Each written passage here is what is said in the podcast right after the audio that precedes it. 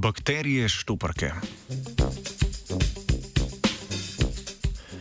Nizozemska raziskovalna skupina je opisala nenavaden način premikanja bakterij, ki še najbolj spominja na štopanje. Spore negibljivih bakterij se pritrdijo na površino gibljivih bakterij in z njimi potujejo do želenega cilja oziroma za rast ustreznega okolja. V študiji so preučevali skupino negibljivih bakterij, imenovanih streptomicete, ki živijo v tleh oziroma na površini korenin rastlin.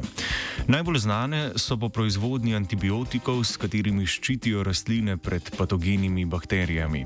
Antibiotiki streptomicet so pogosto uporabljeni tudi za zdravljenje bakterijskih okužb ljudi in živali.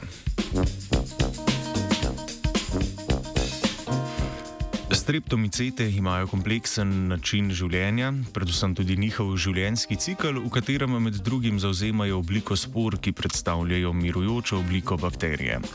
Spore so obdane z dodatno zaščitno plastjo, ki poveča njihovo odpornost v neugodnih razmerah. Na daljše razdalje jih prenaša veter ali jih razširjajo različne žuželke.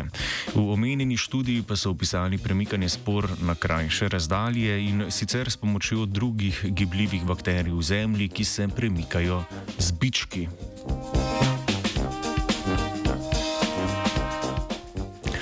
Spore streptomicet so se s pomočjo proteinov na zunani površini pritrdile na bičke gibljivih bakterij, kar so raziskovalci in raziskovalke opazovali z uporabo agarskih gojišč in različnih mikroskopov.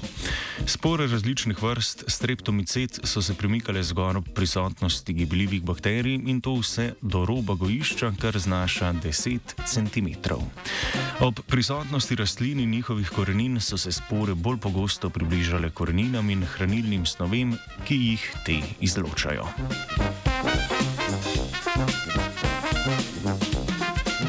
Podoben štoprski pristop je bil opisan že v študiji, ki je opisovala premikanje gljiv s pomočjo gibljivih bakterij v zemlji. Da to počnejo tudi bakterije s svojimi sporami, namiguje na veliko razširjenost tega zaston načina potovanja mikrobov. Kakšno korist imajo od takšnega sodelovanja gibljive bakterije, pa bodo skušali odkriti v nadaljevanju raziskav.